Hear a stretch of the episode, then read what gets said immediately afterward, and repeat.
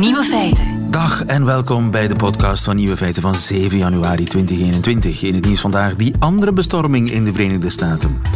In New Jersey bestormden agressieve kippen een McDonald's. Ze bezetten de parking en vielen bezoekers aan. De politie had alle moeite van de wereld om de dieren te vangen, maar na een lange strijd was het hen toch gelukt. Van wie de kippen zijn en wat hen tot de parking dreef, is nog niet duidelijk. Maar dat McDonald's onlangs een nieuwe reeks kippenbroodjes aankondigde, zal er misschien wel iets mee te maken hebben. Ook echte kiekers kunnen dus een gebouw bestormen. Maar het enige echte nieuwe feit vandaag is uiteraard de bestorming door radicale Trump-aanhangers van het Capitool gisteravond. Is dit het einde van het Trump-tijdperk of nog maar het begin ervan? Op die vraag zoeken specialisten Jonathan Holslag, David Kriekemans, Maarten van Rossum en Stef Aupers een antwoord. Maar Nico Dijkshoorn weet hoe Amerika uit de crisis kan geraken. Dat hoort u in zijn dagboek. Veel plezier. Nieuwe feiten. Helemaal onverwachts kwam het niet en toch is iedereen gechoqueerd. Gisteren bestormden aanhangers van Donald Trump het Amerikaanse parlement, waarbij vier doden vielen. Jonathan Holslag, goedemiddag. Goedemiddag. Professor internationale betrekkingen aan de VUB, zag u dit aankomen?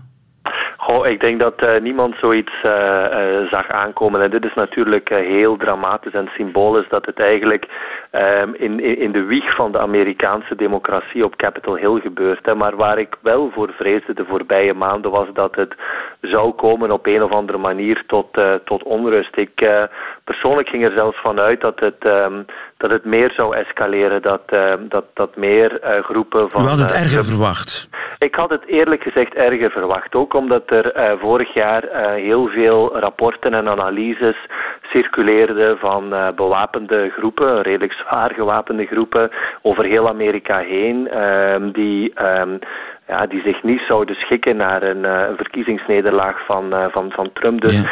mijn verwachting was eigenlijk al um, dat uh, de voorbije weken, maanden, er dergelijke dingen zouden gebeuren. Misschien elders in ja. een andere Amerikaanse Want die mensen staat. krijgen natuurlijk niks anders te horen, al, al weken dan het, er is gigantische fraude gepleegd. Zij horen alleen maar dat. Zijn die ja, mensen gebrainwashed? En... Zou jij hen gebrainwashed noemen? Ja, gebrainwashed uh, voor, een, voor, een, voor een stuk nu. Ik denk dat het te maken heeft met, uh, met twee belangrijke facto factoren. Aan de ene kant is het zo dat um, het vertrouwen van de Amerikaanse burgers, zowel in het democratische als in het republikeinse kamp, en ook zeker bij de onafhankelijke in de politiek, eigenlijk al 30 jaar lang bijna in, uh, in, in vrije val is. Um, en aan de andere kant natuurlijk als dat wantrouwen wordt bespeeld um, door een, een, persoon als, als Trump, uh, dan, dan, dan wordt dat wantrouwen alleen maar, alleen maar versterkt. Ongeveer, als ik me niet vergis, 50 uh, 55 procent van de Amerikanen, hè, met daarin dus ook een groot aantal onafhankelijke en, en, en, en democraten, gelooft dat deze verkiezingen op een of andere manier niet eerlijk zijn, zijn verlopen. En dat maar, is toch echt wel enorm hoe, veel. Hoe bizar is dat? Ik bedoel, Rudy Giuliani heeft hoeveel rechtszaken aangespannen? Even ja. zoveel rechtszaken verloren. Ja, uh, ja, die, die claim van fraude is voor geen enkele rechter hard gemaakt. En toch zijn er zoveel miljoenen Amerikanen die geloven het, het is gestolen. Hoe kan dat? Het, het, het, zit heel diep en ik denk vooral dat we in de hele westerse wereld die uh, grote grondstroom van frustratie ten opzichte van de politieke elite, de, de elite in bredere zin, hè, met de media erbij, de bedrijfswereld erbij, echt niet, uh, niet mogen onderschatten. Hè. Ik, ik, blijf dat ook be benadrukken. Hè. Trump is een uiting van een groot stuk van de woede in uh, de Amerikaanse bevolking en is daar niet meteen het, het gevolg van. Met andere woorden, die woede gaat zich verder zetten. Dat Trumpianisme zal, zal blijven bestaan en dat zal het Biden ook bijzonder, bijzonder lastig maken. Nu, misschien verder ingaande op je vraag. Ik heb deze ochtend een, een, een tijdje zitten kijken naar die discussies in, in het congres, vooral in het, uh, in het huis. En wat je dan merkt eigenlijk, en dat is voor mij niet altijd even gemakkelijk uh, te, te, te, begrijpen, is dat veel van die volksvertegenwoordigers vaak hele, hele concrete, specifieke en soms ook best overtuigende redenen hebben om in hun district, in hun staat, toch een aantal zaken aan, aan te kaarten. Ik ben niet deskundig genoeg om op al die details of om over al die details te kunnen, kunnen oordelen. Maar als dat voor hun al zo dwingend en ook vaak zo, zo tastbaar is, kan ik me best voorstellen dat voor een aantal twijfelende Amerikanen um, ja, het, het, het, toch wel zo is dat het vertrouwen in die verkiezingsresultaten niet, uh, niet al te groot is. Ja, maar veel mensen zeggen dat die, die parlementsleden die ook twijfelen aan die verkiezingsuitslag, dat doen eigenlijk uit opportunisme om in de gratie te blijven van Trump. Ja, dat, dat zal voor een stukje zeker zo zijn. Hè. Ik denk dat de Republikeinen wel aanvoelen dat uh, de Trump-stroming uh, in die partij nog altijd heel, heel groot is. En dat dat voor hen electoraal ook de, de belangrijkste voedingsbodem zal, zal blijven. Ja. Maar opnieuw, zoals ik net zegde, heel veel van die volksvertegenwoordigers en senatoren komen uit specifieke lokale contexten, uit steden, uit, uit dorpen, uit, uit districten. En als je naar een verhaal luistert en um, ook um, uh, probeert je enigszins in te leven in de argumenten die zij aandragen, dan, dan, dan is het vaak niet altijd gemakkelijk om zomaar te zeggen van ze zijn fout of dat houdt totaal deplorable. Geen, totaal je kunt ze moeilijk wegzetten als deplorable, terwijl ja, de beelden die we gisteren hebben zien binnenlopen, uh, uh, ja, deplorable gedrag vertoonden. Hè?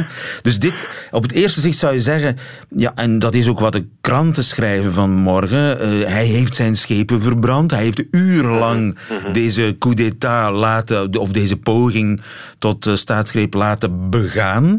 Pas na mhm. uren heeft hij dan nog dit gezegd. So go home.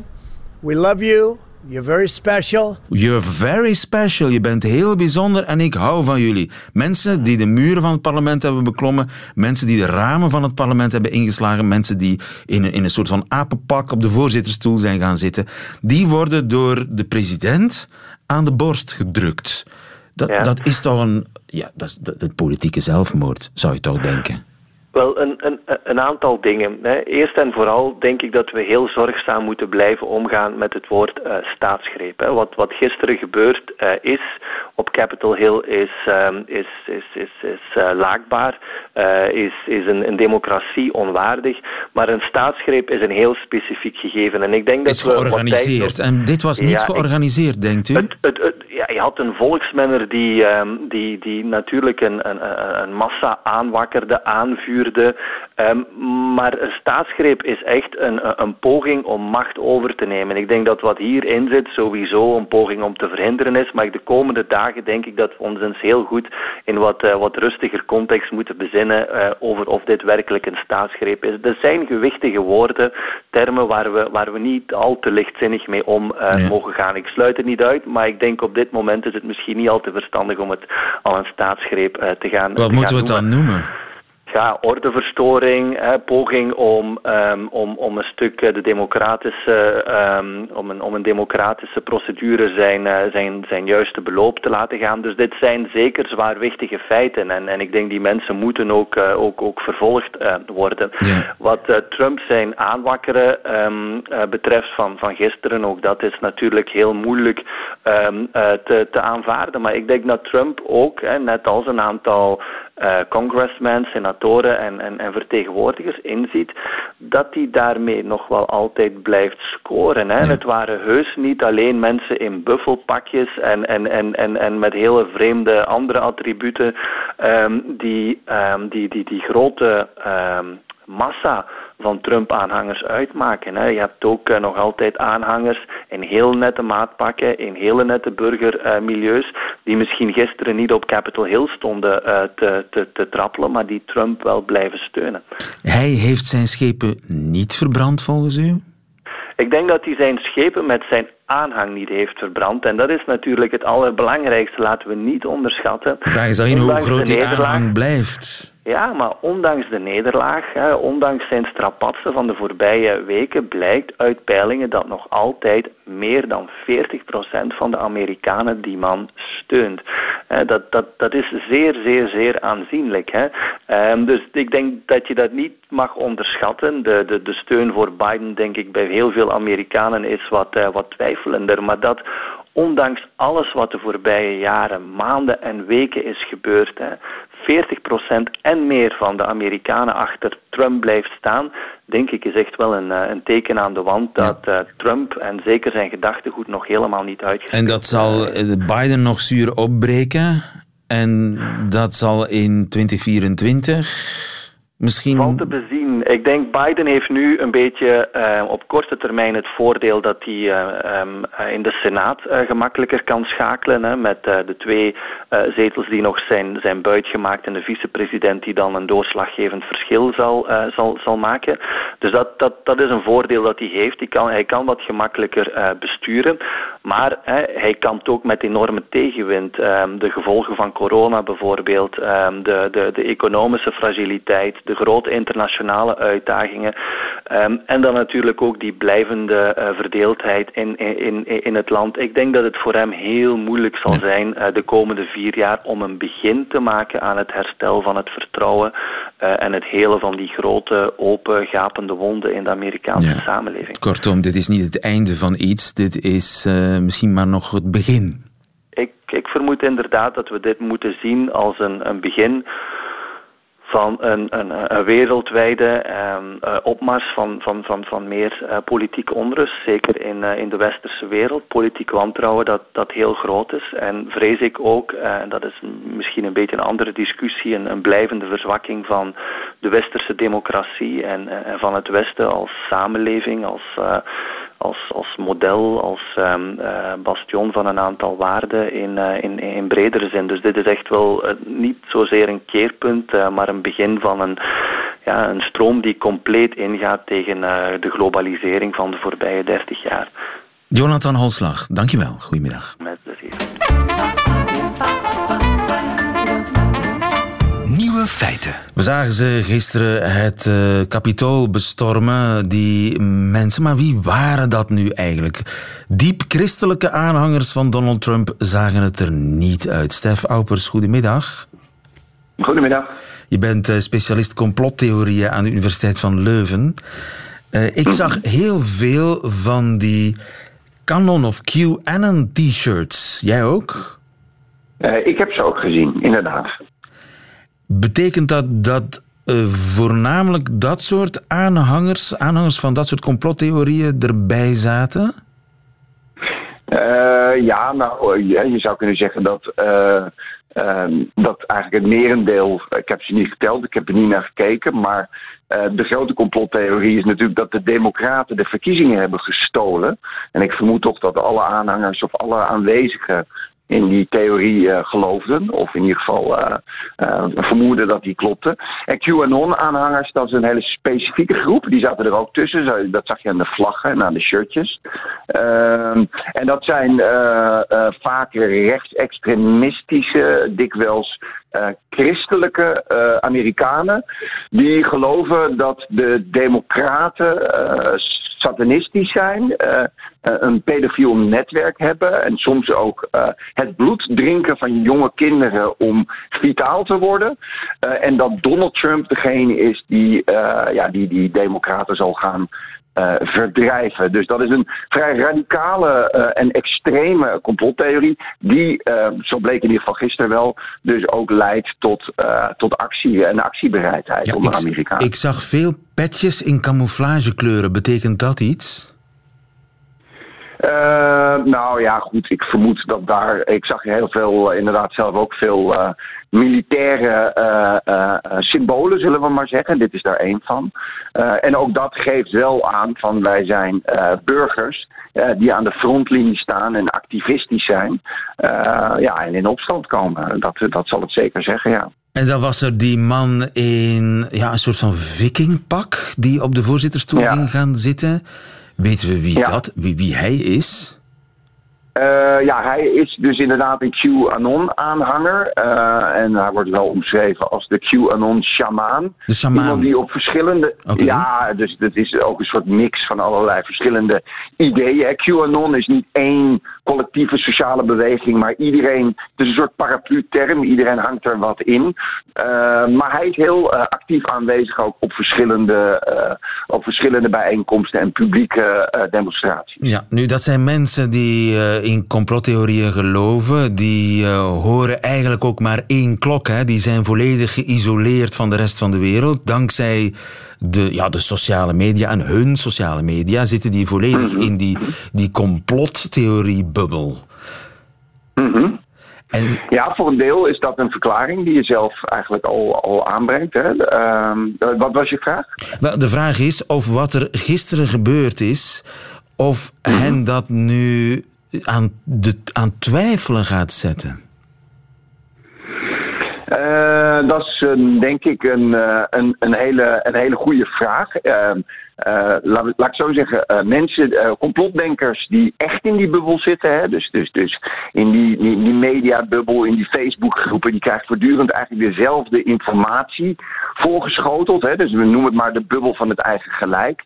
Ehm, ja, dan is het heel moeilijk. Dan wordt het per definitie heel moeilijk om dat idee te ontkrachten. Hè? Dus zelfs geluiden die, uh, die, uh, tegen, die daar tegenover staan, dus tegengeluiden, ja, die worden eigenlijk geïnterpreteerd als uh, ja, als, als vijandig, als problematisch. Dus ik, ik vermoed vanuit de logica van de complotdenker. Uh, is wat er uh, gisteren gebeurd is, ja, versterkt eigenlijk alleen maar de, de identiteit in plaats van dat het daar tegen ingaat. Maar mensen die op dit ogenblik twijfelen, die eventueel zouden meestappen in die complottheorieën, die zullen misschien nu twee keer nadenken.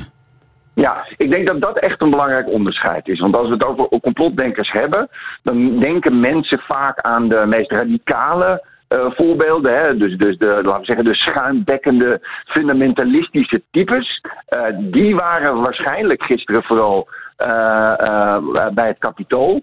maar een heel groot deel van mensen die zich bezighouden met complottheorie zijn twijfelaars. Dus zijn mensen die verschillende interpretaties van de feiten uitproberen, om het maar zo te zeggen. Dat zal de groep zijn die eerder geneigd zal zijn om uiteindelijk toch te erkennen dat de Democraten hebben gewonnen, vermoed ik. Maar een radicale kern zal mogelijk hierin alleen maar een bevestiging van het gelijk zien. Heb je enig idee in hoeverre Donald Trump zelf of zijn mensen daar de hand in hebben gehad in wat er gisteren gebeurd is? Ja, ja, nou, ik, ik, ik vermoed zelf niet uh, uh, uh, dat, dat Donald Trump is, is denk ik niet, staat niet bekend als, een, als iemand die heel strategisch is of strategisch denkt. Donald Trump is vooral iemand die insinueert en experimenteert. dus insinueert, hij kan over iets zeggen, something is going on. En het electoraat, zijn volgers, vullen dat in met allerlei complottheorieën. Hij kan zeggen, zoals hij dat gisteren ook heeft gedaan, it's going to be wild. En zijn volgers zullen dat vertalen en interpreteren als we moeten in actie komen. dus, dus, dus zijn strategie, als je het zo mag noemen, uh, is vooral insinueren en experimenteren. En niet zozeer helder communiceren. Hij, Sorry? hij bespeelt die mensen. Zeker, maar ik, ik, ik, ik, uh, ik weet niet zeker of, hij dat, uh, of dat een bewuste strategie is. Uh, maar het is dan een effectieve strategie. omdat als je vaag bent, als je vaag blijft, als je vage uitspraken doet, dan herkennen verschillende mensen met verschillende achtergronden zich daarin en mobiliseer je dus eigenlijk uh, ja, uh, verschillende delen van het electoraat, zou je kunnen zeggen. Nu, vandaag wordt uh, Amerika langzaam wakker. Ook die mensen worden langzaam wakker. Vannacht in de vroege uurtjes is beslist door datzelfde parlement dat door hen bestormd is dat Joe Biden definitief de nieuwe president wordt. Zullen zij zich daar nu bij neerleggen? Ehm, nou ja, goed. Ik, ik, ik denk dat het, uh, nogmaals, wat ik net ook zei, dat, dat een groot deel van de twijfelaars dat wel zal doen. Maar dat er een kleine fundamentalistische uh, club is. Uh, die ja, weerbarstig blijft, die in opstand zal komen. Dus daar zullen en misschien zijn. nog, nog bestormingen, nog bestormingen of terreuraanslagen, wie weet, staan Amerika te wachten. Ja. Dat zou ik, kunnen. Ik kan het niet voorspellen. Het zou kunnen, maar maar het, uh, dat, dat moeten we afwachten. Dat, dat, dat valt heel moeilijk te voorspellen. Dat valt moeilijk uit te sluiten. Dankjewel, Stef Aupers. Goedemiddag. Graag gedaan. Nieuwe feiten. Verontwaardiging over de hele wereld, over wat er eh, gisteren in Washington gebeurde. Maar Maarten van Rossum die was helemaal niet zo verbaasd. Goedemiddag, meneer van Rossum. Goedemiddag. U bent eh, historicus en Amerika-kenner. U was helemaal niet verbaasd toen u de beelden zag. Nee, Hij heeft ze toch maandenlang opgeroepen. Niet waar om op te treden tegen de verschrikkelijke vervalsing van de verkiezingen van afgelopen november. En op deze dag, gisteren, had hij, die mensen waren naar Washington gekomen en die heeft hij ook toegesproken. En nou zei hij, ze moesten naar het kapitool om deze schandaad eh, ongedaan te maken. Ja. En natuurlijk als we terugblikken op vier jaar Trump, op vier jaar fantastische leugens, dan is dat natuurlijk heel begrijpelijk wat er gebeurd is. Ja, je moet Want niet... uit, alle onderzoek, uit alle onderzoek blijkt dat een groot deel van de Republikeinen gelooft wat hij zegt, de leugens die hij te bedden brengt. En de vraag En is... laten we ook niet vergeten, Ja, een aanzienlijk deel van de Republikeinse partij steunde hem ook in deze fantastische leugencampagne. ja. En laten we daarbij bedenken dat dit niet alleen natuurlijk het, het slotakkoord was van die vier jaar waanzin die hij opgevoerd heeft, maar natuurlijk het start zijn van een hele campagne van sabotage ten opzichte van de Democraten in de komende jaren. Dit is dit niet het einde, dit is het begin van iets. Ja, zo is het maar net. Ja, hij moet natuurlijk zijn, zijn electorale basis moet hij opgewonden houden. Want A levert hem dat geld op, dat is punt 1. En B levert het hem een dominante positie in de Republikeinse Partij op. Want al die andere Republikeinen zijn doodsbang om zijn kiezers te verliezen. En C blijft de mogelijkheid open, boven de markt hangen, zoals dat zo treffend heet. Dat hij zich natuurlijk in 2004, sorry, in 2024 opnieuw kandideert. Is hij dan niet dus te op oud? deze manier. Op de, ja, dan is hij net even oud als Biden nu is. Dus dat is geen sterk verwijt natuurlijk. Ja. En u, gelooft werkelijk dat Donald Trump in 2024 alsnog gaat proberen om zijn tweede termijn te pakken? Ja, dat sluit ik. Nou, dat weet ik niet zeker natuurlijk. Maar ik sluit het niet uit. Het is een mogelijkheid. Want in de Constitutie is vastgelegd dat je twee termijnen mag hebben. Ja. En nergens staat dat die twee termijnen op elkaar moeten volgen. Dus dat, ja, zeker. ja. En gezien zijn algehele gekkigheid. Acht ik het helemaal niet uitgesloten. Ja, als het een normaal mens was, zou ik zeggen dat lijkt me niet waarschijnlijk. Maar hij is helemaal geen normaal mens. Hij is niet goed snik. En op een vrij ernstige manier bovendien, zoals we ge- gemerkt hebben. Ja. Maar, En dat, hij is tot alles, tot alles bereid. maar dat zo'n mens het- die, die niet goed snik is en tot alles bereid is, en dat hebben we gisteren ook gemerkt, hè, want ja, je kunt twijfelen over of vragen stellen bij zijn verantwoordelijkheid over wat er gisteren gebeurd is, maar hij heeft het minstens... Direct van, nee, nee, nee, nee, wacht nou even. Voordat we hem ook weer gaan zitten vrijpleiten van die, van die optreden van die gekken.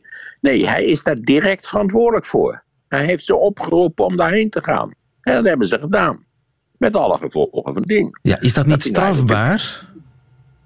Ja, waarschijnlijk is dat strafbaar. Maar ik begreep dat zijn hele gedrag van de afgelopen week in feite strafbaar is. Ook het opbellen van die gouverneur in Georgia en zo. Dat mag allemaal helemaal niet. Maar is Of het, althans die man die daar over de verkiezingen gaat. maar maar dat ja, is dus een toch- detail dat het strafbaar is, kennelijk. Ja, maar dat, heeft, dat, dat, dat zal niet uitgevoerd worden. Dat is ook betrekkelijk zinloos. Want het verstandigste is natuurlijk dat je nadat hij vertrokken is, zo weinig mogelijk aandacht aan hem besteedt. Ga je hem dan ook nog betrekken in een strafproces? Nou ja, dat is, dat is iets wat hij waarschijnlijk zelf bijzonder prettig vindt. Hoe meer aandacht hij blijft krijgen, hoe beter dat voor hem is. Ja. Niet waar? Het is heel duidelijk dat hij geen afscheid wil nemen van zijn dominante positie in het Amerikaanse politieke systeem. ja. En de Republikeinen die zitten met een geweldig dilemma natuurlijk. Nou, die Republikeinen zijn natuurlijk een zootje lafbekken eerste klas, aangezien ze natuurlijk, maar dat is al jaren geleden begonnen, nooit behoorlijk afstand hebben genomen van de fantastische leugens die hun succesvolle politicus heeft verteld.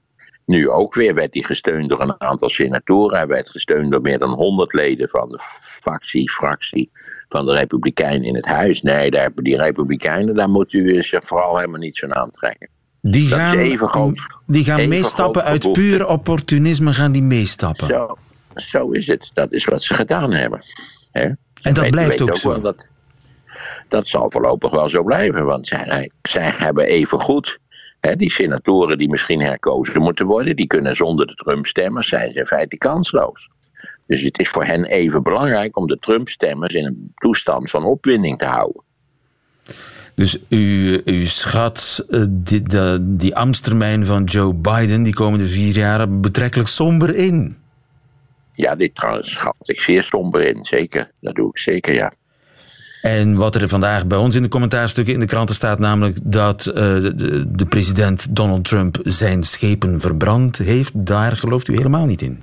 Nee, nee, nee, hij is bezig nieuwe schepen te bouwen. Nee, nee, nee. Ja, de oude schepen zijn misschien richting de einde gezeild, maar nee, de nieuwe schepen zijn in aanbouw. dit is, eh, ja, en, en iedereen vergeet maar zo makkelijk dat hij weliswaar de verkiezingen heeft verloren, maar dat 74 miljoen Amerikanen op hem gestemd hebben. En dat niet alleen. Dat zijn er 11 miljoen meer dan in 2016. Na vier jaar van incompetentie en de meest fantastische leugens.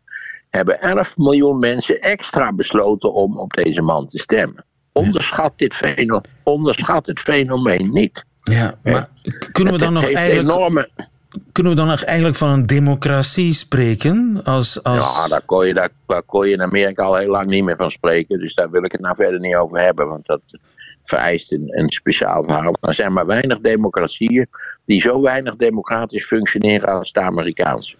Daarbij vergeleken is de Belgische democratie het paradijs op aarde. Ja. Eh, dat zullen we noteren. Hij heeft zijn schepen niet verbrand. Hij is nieuwe schepen aan het bouwen, Donald Trump. Maarten van Rossum, historicus en Amerika-kenner in Amsterdam voor ons. Dankjewel. Goedemiddag. Oké, dag.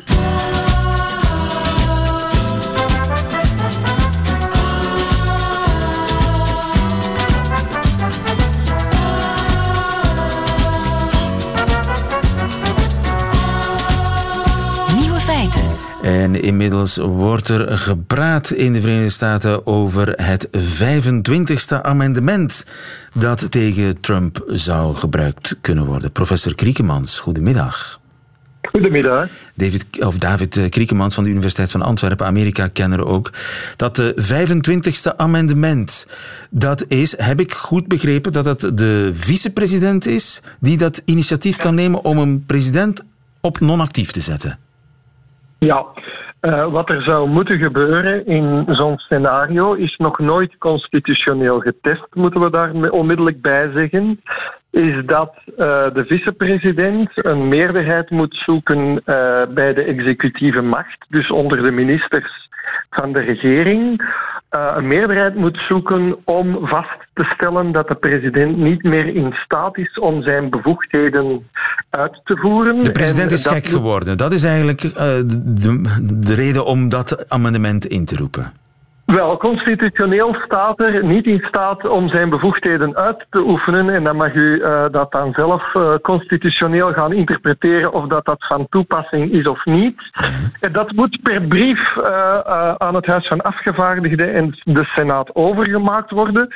En dan, dan is Pence in zo'n scenario indien aanvaard onmiddellijk acting president dan kan Trump nog wel terugreageren, maar dan, uh, dat is een heel proces. En tegen dan is uh, Biden al de nieuwe Amerikaanse president. Ja, maar het is nog nooit eerder voorgekomen. Nee.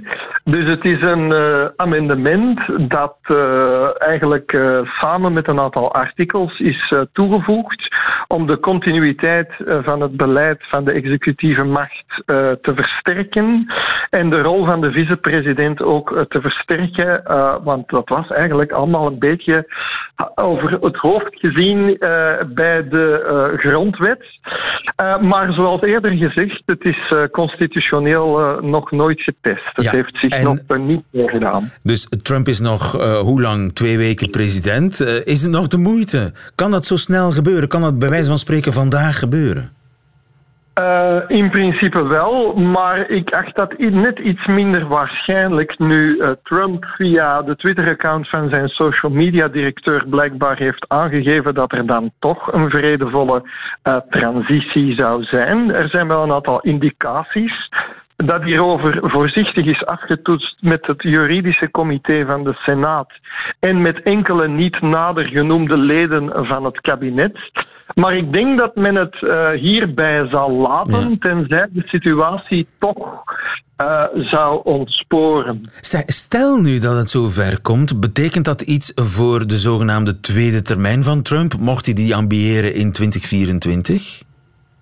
Uh, nee, dat is niet gedefinieerd. Dus, hij kan alsnog proberen opnieuw president te worden. Dat zou misschien dan wel een blamage kunnen zijn, uh, waarbij dan eigenlijk zijn eigen partij hem de facto ook uh, buiten de macht stelt. Dus dat kan dan eerder als een uh, blamage ja. uh, geïnterpreteerd worden, maar constitutioneel uh, wordt hij niet van zijn politieke rechten ontdaan, zou je kunnen zeggen. Ja, maar de kans is klein dat het nog gebeurt, zeker omdat Trump nu zelf aangekondigd heeft om een vredevolle machtsoverdracht niet tegen te houden.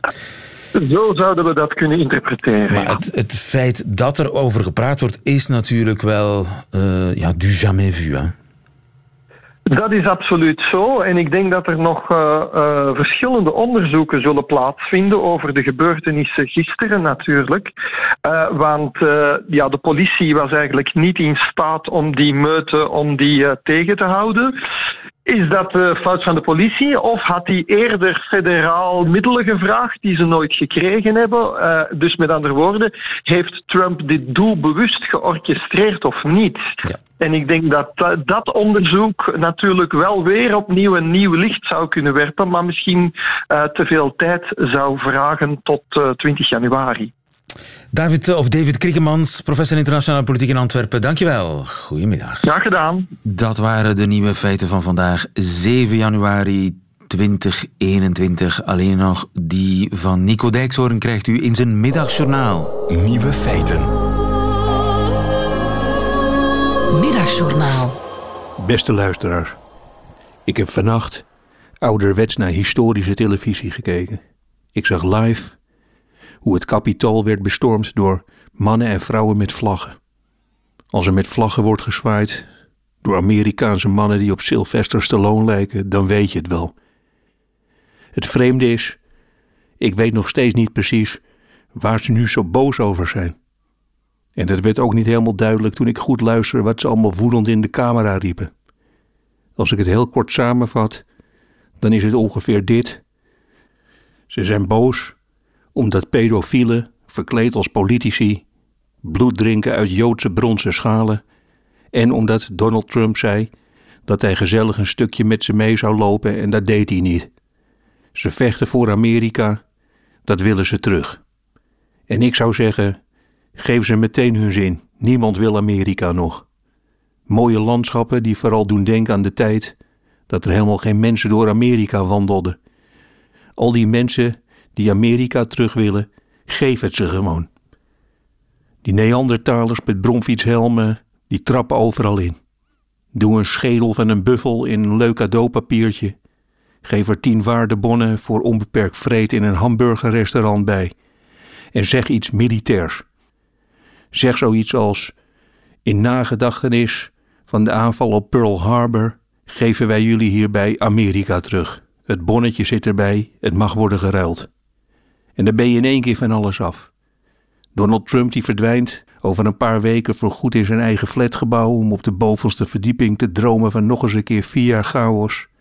En wij in Europa hoeven niet meer s'nachts te kijken naar dikke Amerikanen die verkleed als commando door een regeringsgebouw hollen.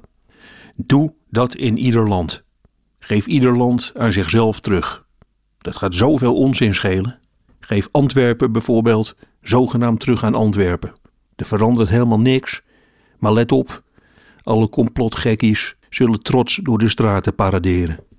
Vraag aan verschillende Belgen wat ze krijgen als ze het echte België terugkrijgen en er komen honderden antwoorden. Gewoon weer over straat kunnen lopen en fier zijn op mijn land zonder bloeddrinkende pedofielen die aangestuurd door China uit zijn op onze mosselen en friet. Luisteraars, laten we het spelletje gewoon meespelen. Laat ik het daarom gewoon hier zeggen, op de officiële Grote Mensenradio. Luisteraars, u kunt vannacht rustig gaan slapen. België is weer van de Belgen. Het is van u en niet van ons. Ik geef het u terug.